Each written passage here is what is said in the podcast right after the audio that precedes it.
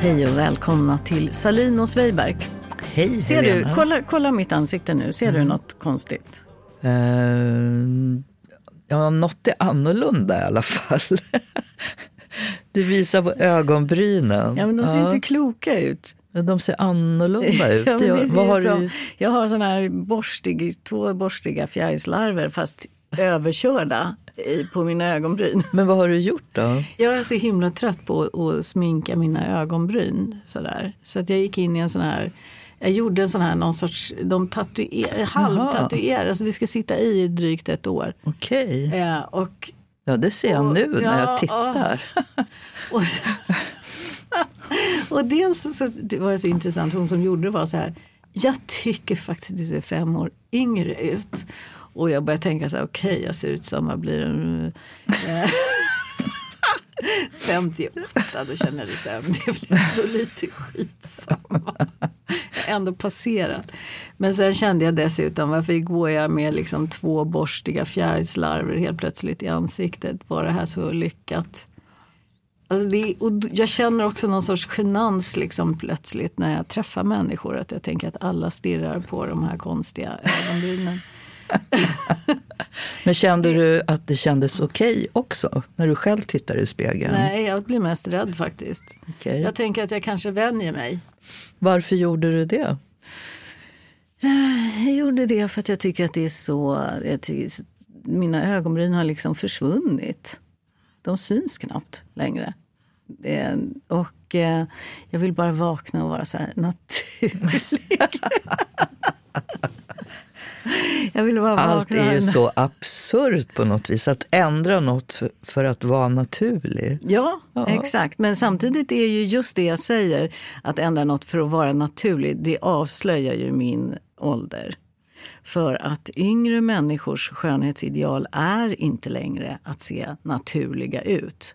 Det är ju vi i vår generation som har det som någon sorts självklart stilideal. Och när jag var i 20-årsåldern då var det så här att någon hade gjort någonting med sitt utseende, något drastiskt.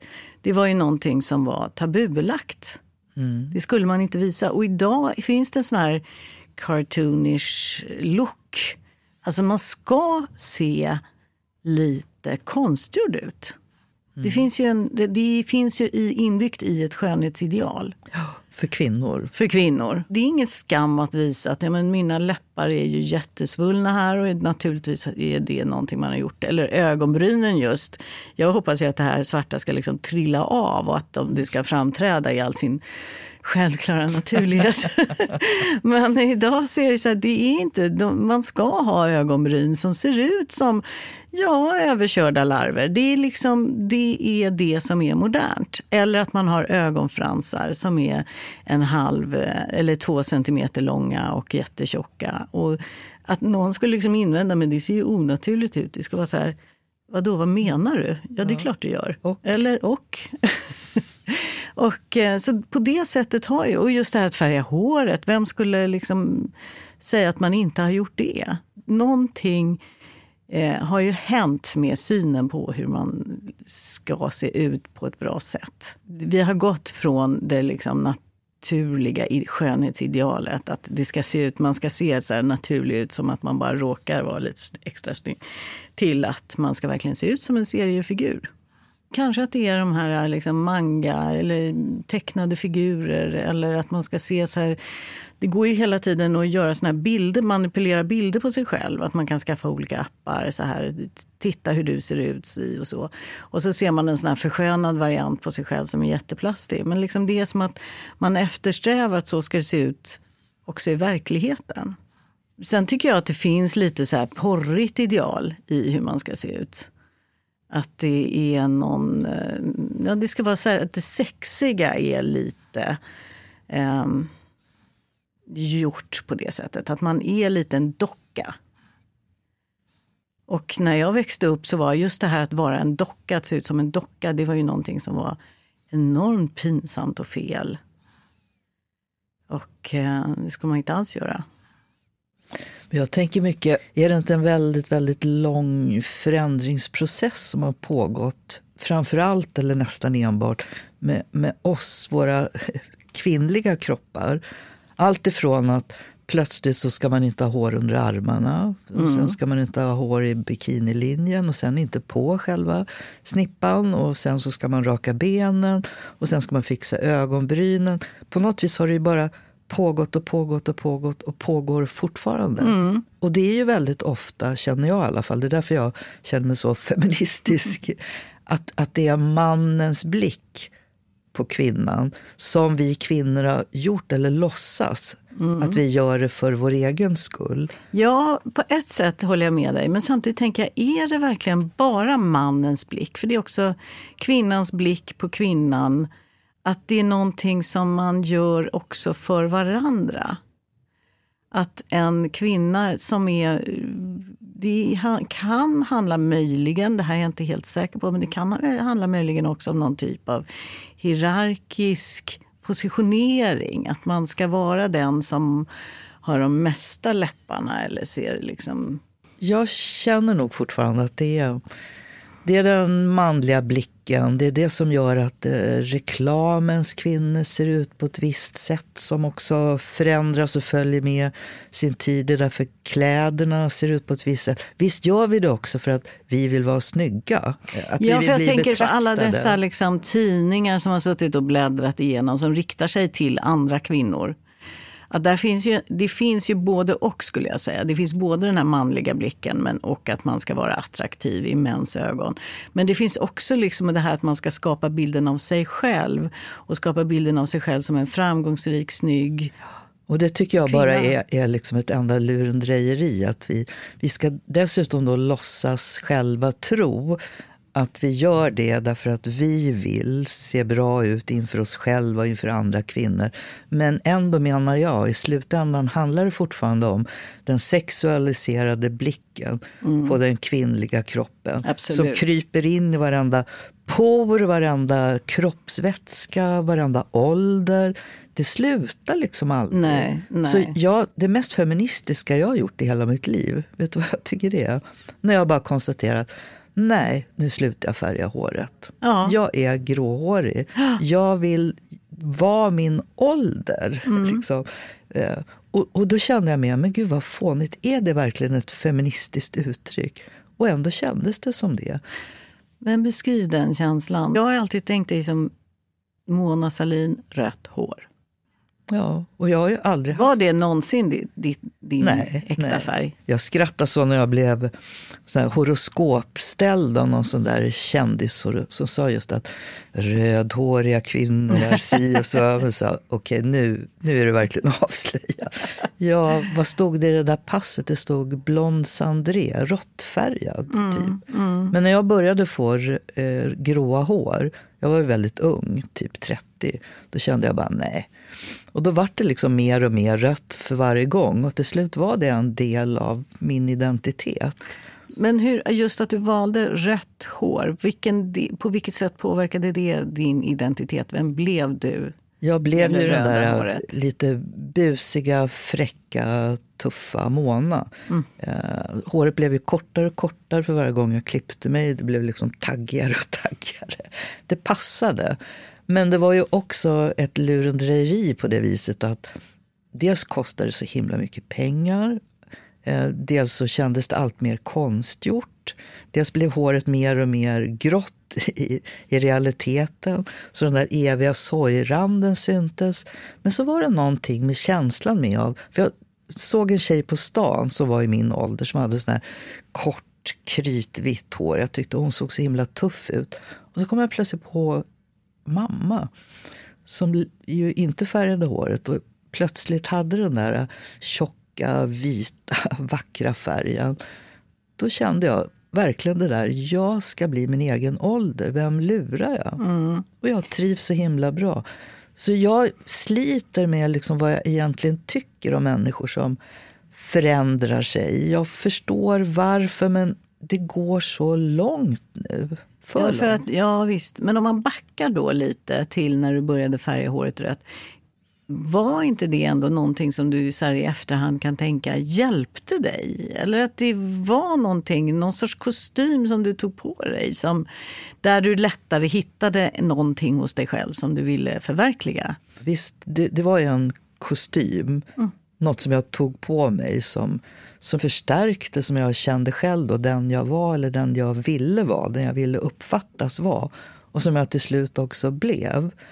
Men det är ju där jag känner en sån sorg om, om det går längre till att verkligen operera sig mm. till att försöka passa in i den bilden som inte alltid man själv har, men som andra har. Nu då så ser ju ditt liv annorlunda ut än när du var i, liksom verksam i politiken. Och då kan du göra den här manifestationen, att nu är jag jag och inte färga håret längre. Exakt. Kändes det så? Som att det var en sån handling som ja. på något sätt plockade fram en annan sida av dig eller en mer genuin sida av dig? Ja, det var också som, nu är det jag. Jag behöver inte göra andra tillfredsställda liksom, eller känna att det där är Mona. Men det var ju väldigt mycket, nu är jag över 60. Mm. Så det var också ett bejakande av sin, min ålder. Här är jag. Ja, jag är gammal.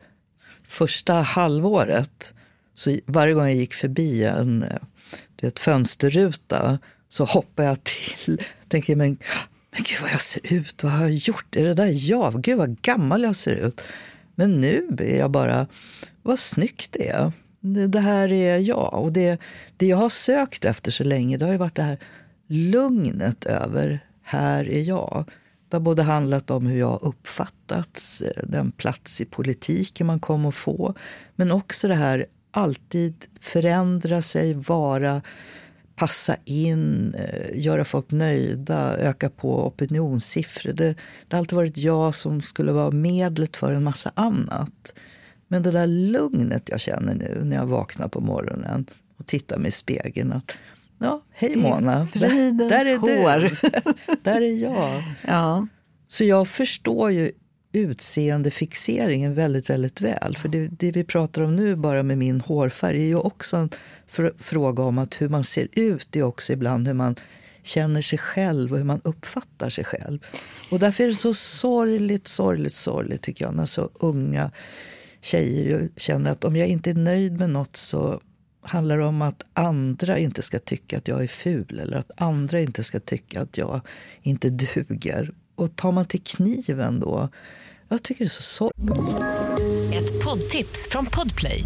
I fallen jag aldrig glömmer djupdyker Hasse Aro i arbetet bakom några av Sveriges mest uppseendeväckande brottsutredningar går vi in med hemlig telefonavlyssning och, och då upplever vi att vi får en total förändring av hans beteende. Vad är det som händer nu? Vem är det som läcker? Och så säger han att jag är kriminell, jag har varit kriminell i hela mitt liv men att mörda ett barn, där går min gräns. Nya säsongen av Fallen jag aldrig glömmer på Podplay. Billigt.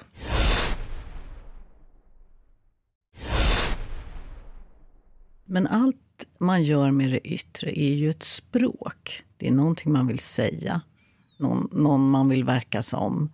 Det är ett budskap man sänder ut. Jag tänk, tänkte på när jag var ung, typ 20 någonting och väldigt osäker och blyg.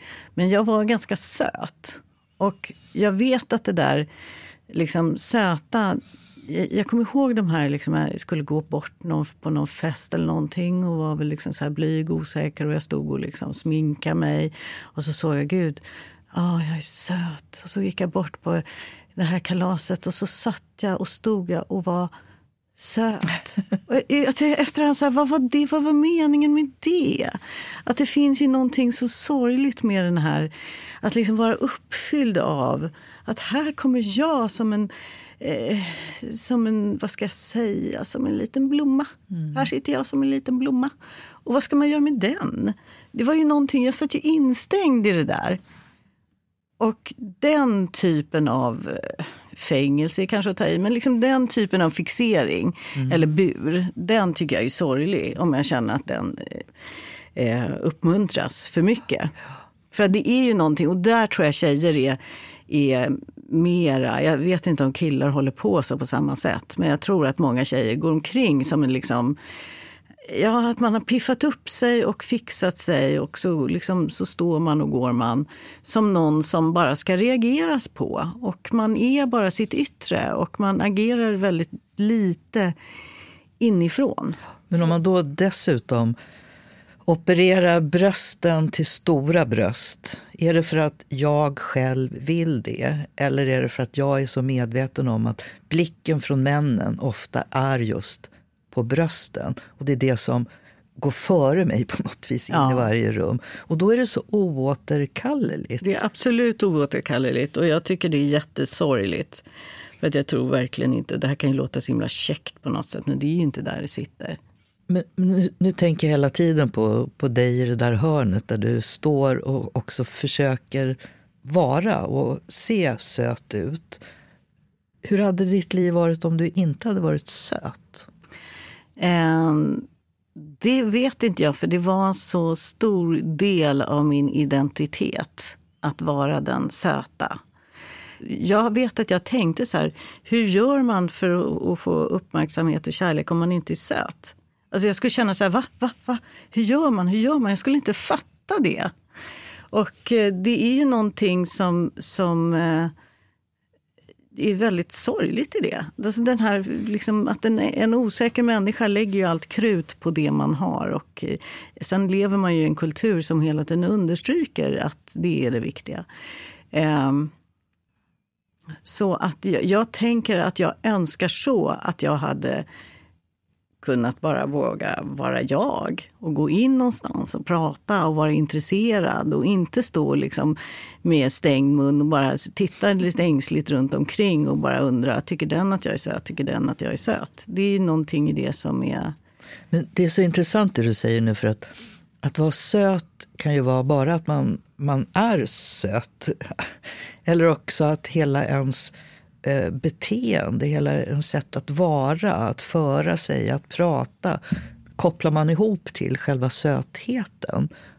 Förstår du vad jag menar? Absolut. Och det är någonting i det som är eh, sorgligt också. För att det där, den där typen av ängsliga söthet den kan ju vara någonting som någon lägger märke till men det är ju, det är en otroligt ytlig eh, syn. Det, är liksom, det händer ju ingenting mer. Sen, sen det vet man ju alltid med attraktion eller så. Att man, måste, man kan liksom vara... Man kan tycka någon är söt, man kan tycka någon är snygg. Men det, ju, det handlar om sekunder. Sen händer ju någonting annat. Men jag kommer ihåg också att när jag var ung, jag blev ju så här upptäckt på gatan och kom fram och sa, vill inte du vara med i modellagentur? Jag jobbade ju som modell i Gjorde några du? år. Ja. Jag var inte jätteframgångsrik, men jag gjorde det i några år. Men det här var ju under en tid när det inte var okej. Okay. Det var dåligt. Jag vet att jag pluggade på universitetet och så kunde det vara samtidigt att jag fanns på någon sån här reklamtavla eh, och gjorde reklam för någonting. Och eh, att jag tyckte det var oerhört genant. Att då var det väldigt viktigt för mig att hela tiden betona att jag kunde tänka. Jag är inte bara söt. ja, så att det där har ju ändrats någonting. I, I politiken så har jag ofta tänkt på att man får inte vara söt. Nej. Man får inte ha för mycket urringat, man får inte ha för mycket smink. I politiken har det nästan varit tvärtom. Att vi kvinnor, som ju inte var så många när jag började, var tvungna att vara det också på männens villkor. Jag hade ju väl aldrig haft kavaj på mig innan jag kom in i riksdagen men plötsligt blev kavaj och skjorta och utsvängda byxor blev liksom uniformen. Så i vissa lägen så ska vi kvinnor då dölja våra guppiga bröst och i andra tillfällen så är det precis tvärtom. Så då blir jag ju nyfiken också på dig. Om du inte hade varit söt, mm. hur, hade du varit lika framgångsrik författare då? Det hoppas jag ju.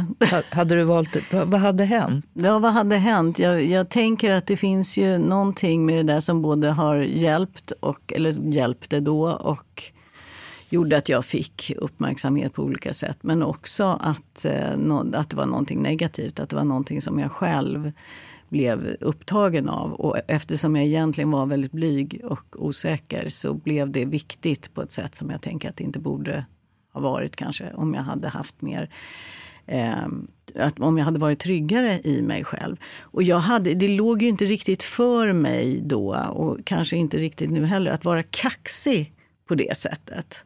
Att jag, tyckte, jag tänkte så här, här sitter jag i söt på en fest och liksom, det var det viktigaste. Och jag satt som jag hade en skylt framför ansiktet och liksom visste liksom inte, på något sätt ville ha uppmärksamhet för det men ändå inte. Men det var den tidsandan? Det var den tidsandan, både tidsandan men också att jag liksom på något sätt kände att människor skulle inte tycka om mig på grund av det. Nej, faktiskt. Mm. Jag skulle få en viss typ av uppmärksamhet men jag skulle också få en viss typ av mm, jobbiga känslor Från andra kvinnor? Från andra kvinnor framför allt. Men också en del män som skulle tycka, liksom, uppmärksamma mig på fel sätt. Jag vill ju liksom ändå helst vara en själ. Mm. Eller känna den där tryggheten i att någon har sett mig på riktigt. Men det är sånt här som kan göra mig tokig ibland. Att det är, å ena sidan så sitter det kvinnor som tycker jag är så ful, ingen lyssnar på mig för att jag inte är snygg. Å andra sidan så sitter folk, men gud det är så jobbigt att vara så söt för ingen lyssnar på mig för att jag är så söt. Hur kan vi bara liksom få vara? Kommer det någonsin? Och, och, och nu sitter de här unga tjejerna som vi ju träffar båda två och inte bara tänker att göra om sig utan de gör det och de mm. kan göra det. Mm. Och när slutar det? Det börjar med ögonbrynen och nu är det livsfarliga såna här rumpfett isugningar. Vad kallar man det för? Brazilian butt lift. Ja, ja. När, när slutar det? När slutar det? Det är väl någonting. Det finns väl en sorts fixering vid ytan som jag tror är svår, eller fixering, men någonting, några sorts reaktioner, upplevelser kring yta som jag tror är väldigt svår att göra sig av med. Men det som är sorgligt är ju att vi lever i ett sånt genomkommersialiserat samhälle som hela tiden ska kränga saker. Men det är inte bara saker. tjänster. Men jag, jag är så upprörd över att det, det är inte bara är det. Eh, jag tog så oerhört illa vid mig med den här rapporteringen av att det var en så stor andel av unga tjejer som är övertygade om att hårt sex, att det är normalt. Så, så den här liksom bilden av hur vi ska vara har liksom landat nu in i varandra kroppsvätska Absolut. vi har. Men då har du liksom hela porrindustrin. Det är hela tiden finns ju massa intressen av att marknadsföra ideal, grejer. Ja, men det har gått längre menar jag. Nu är det inte bara porrindustrin utan det är långt in i TikTok. Ja, ja. Eh, som den här bilden av vad, också vad, vad sexualitet Nej, men och Den är man... förfärlig. Och det finns ju hela tiden en sorts skriande brist på det som inte är säljbart.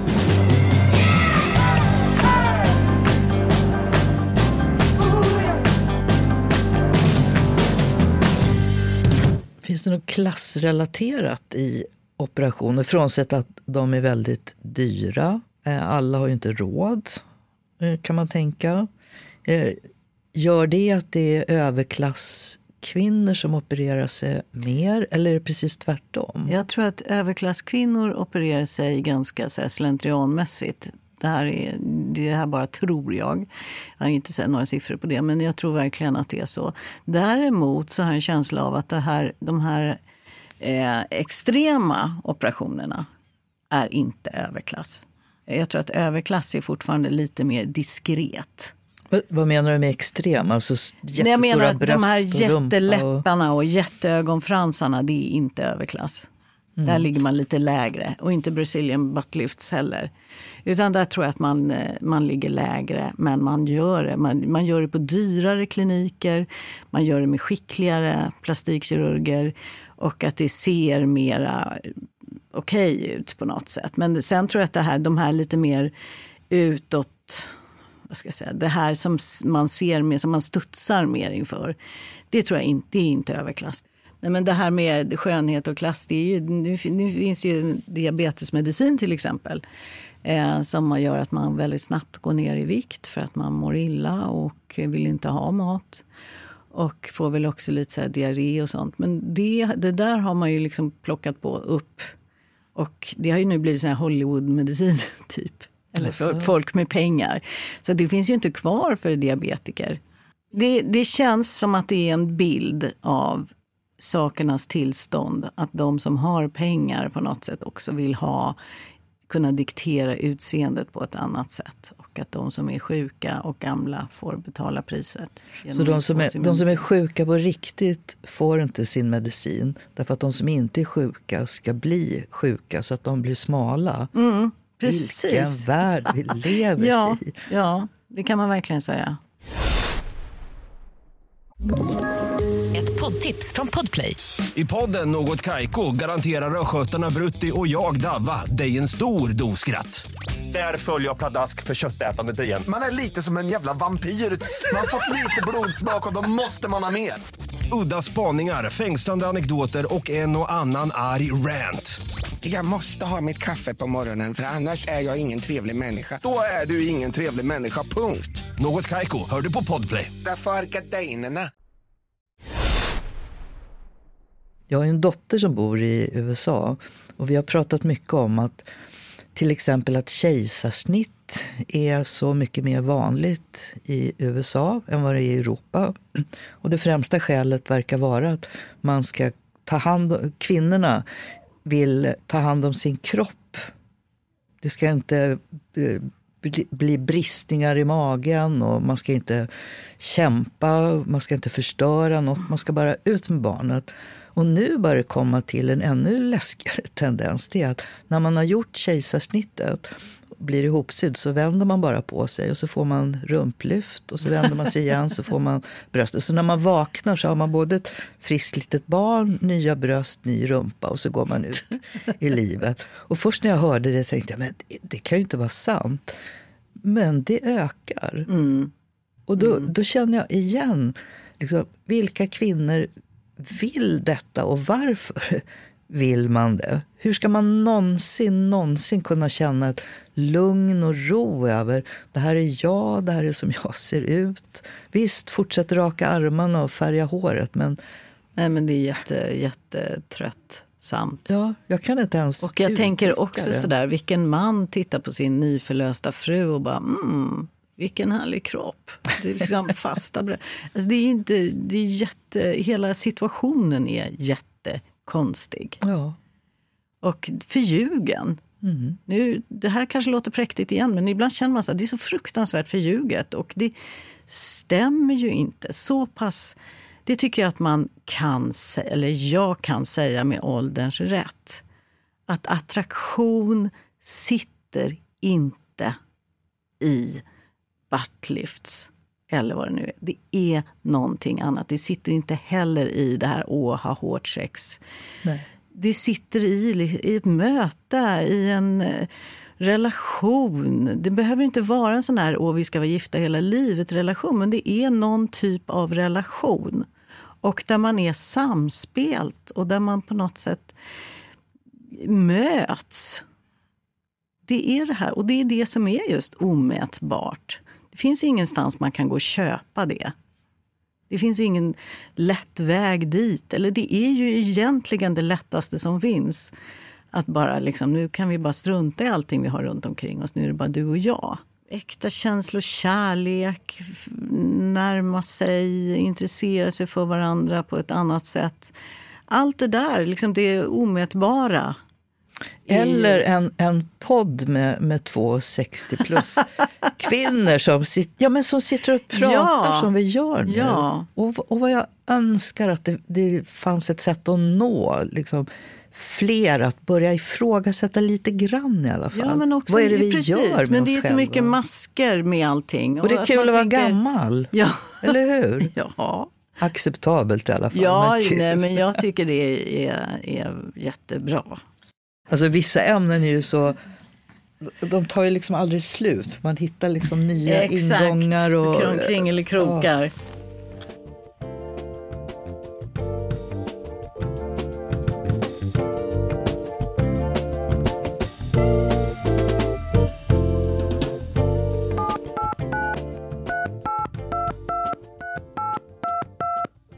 Hej Helena! Hej!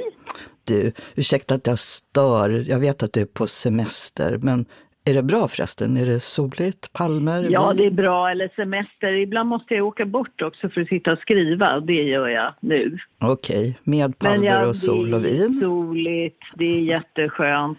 Ja, men det är bra. Jag vet att det inte är så bra väder i Sverige. Ja, men det är strunt samma. Men det är en annan sak som jag ville prata om. För jag, mm. jag låg typ och tänkte på det hela natten fram och tillbaka. Så kände jag var bara tvungen att fördjupa en sak som vi pratade om sist. Eh, för jag tror mm. både du och jag har känt, i alla fall när vi växte upp och var unga och sådär, att, att vi var snygga. att vi såg mm. bra ut. Och det jag börjat tänka på så mycket är, vilka fördelar har det egentligen gett? Om jag bara frågar dig så rakt upp och ner, vilka fördelar hade du av att vara snygg? Eh, ja, det är klart att, att det hade man ju på något sätt. Men jag vet inte om vad det är som gör att jag genast vill börja prata om någonting annat när du frågar så. För, att, alltså för mig personligen så var jag, jag var ju så extremt blyg som ung. Jag, var så, jag hade så väldigt låg självkänsla på något sätt. Jag var verkligen en sån vilsen människa. Och det här med liksom snygga, det kändes för mig lite som att knuffas ut på en estrad och förhålla mig till någonting. Men... Att liksom ha en publik på en gång.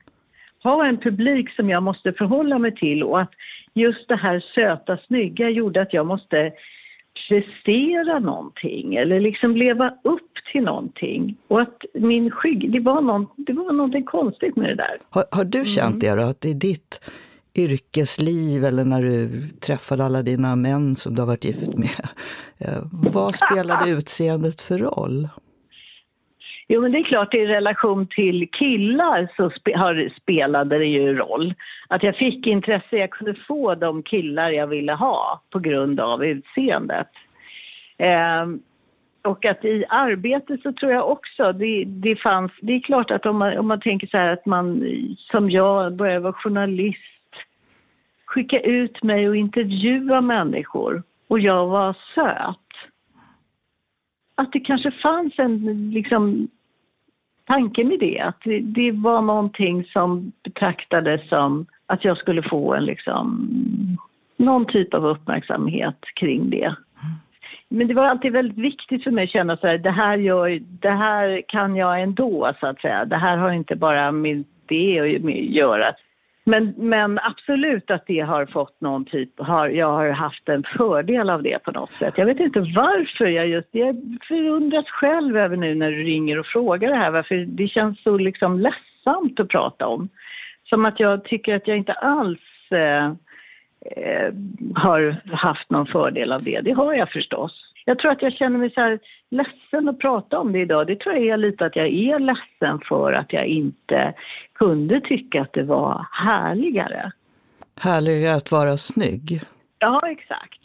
Och samtidigt så vet jag ju när, man växt, när jag växte upp och liksom lusläste Starlet och liknande tidningar. Det enda som var viktigt om man var tjej, absolut enda som var viktigt, det var att vara söt.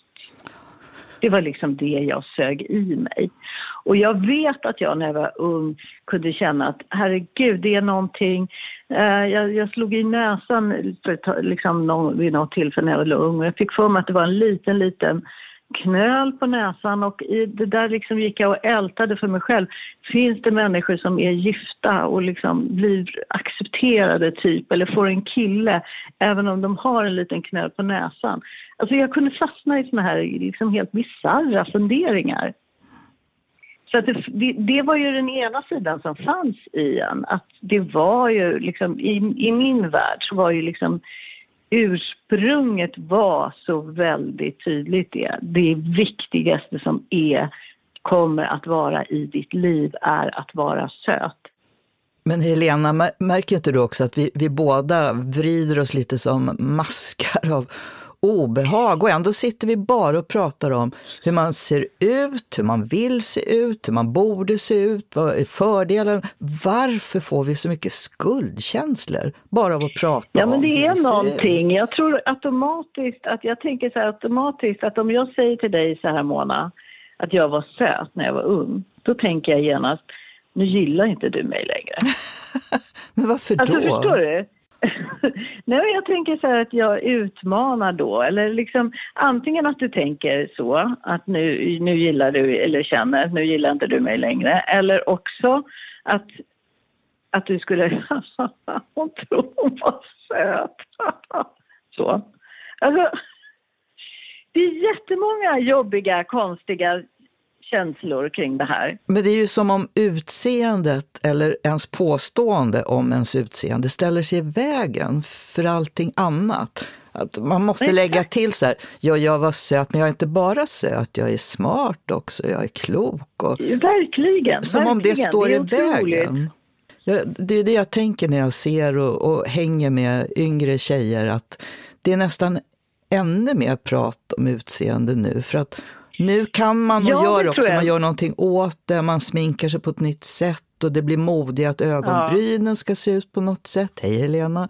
Så ja, allt det där, Liksom, jag tror det är mer konvulsioner runt utseende idag eftersom allt är så mycket mer möjligt och att blickarna på en är så många fler från så många olika håll hela tiden. Man kommer inte riktigt att, att duga alltid. Nej. Jag minns på, jag hade en eh, affisch av Helga Henschen på, på väggen i mitt flickrum. Där det stod en, mm. en tjej eh, och så var det reklamgrejer bakom henne och så sa hon så här, usch, jag känner mig så osäker under armarna. Och det var för mig, ja men jag gick och tänkte mycket på det där, att vad, vad är det som gör att vi hela tiden går runt och känner oss osäkra under armarna. Osäkra under armarna, men det är ju också för att man är, man är så, det är sån extremt osäker och utsatt ålder, just de här unga åren. Och man är utsatt för en sån massiv påverkan hela tiden. Och budskap efter budskap hamrar in det här obönhörligen att det enda som är viktigt för dig i ditt liv, det är att du måste för i helvete se till att vara snygg. Och ha pengar. Och ha pengar. och ha pengar, för det hjälper om man ska vara snygg. Kom hem brun och snygg nu. Ja, hej då. Puss och kram. Hej, hej.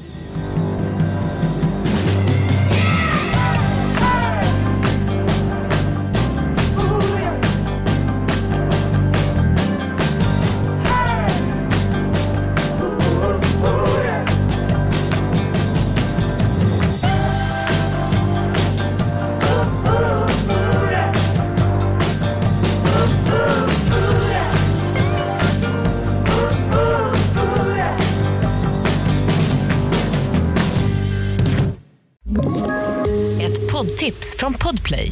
I fallen jag aldrig glömmer djupdyker Hasse Aro i arbetet bakom några av Sveriges mest uppseendeväckande brottsutredningar. Går vi in med hemlig telefonavlyssning och, och då upplever vi att vi får en total förändring av hans beteende. Vad är det som händer nu? Vem är det som läcker? Och så säger han att jag är kriminell, jag har varit kriminell i hela mitt liv men att mörda ett barn, där går min gräns. Nya säsongen av Fallen jag aldrig glömmer på Podplay.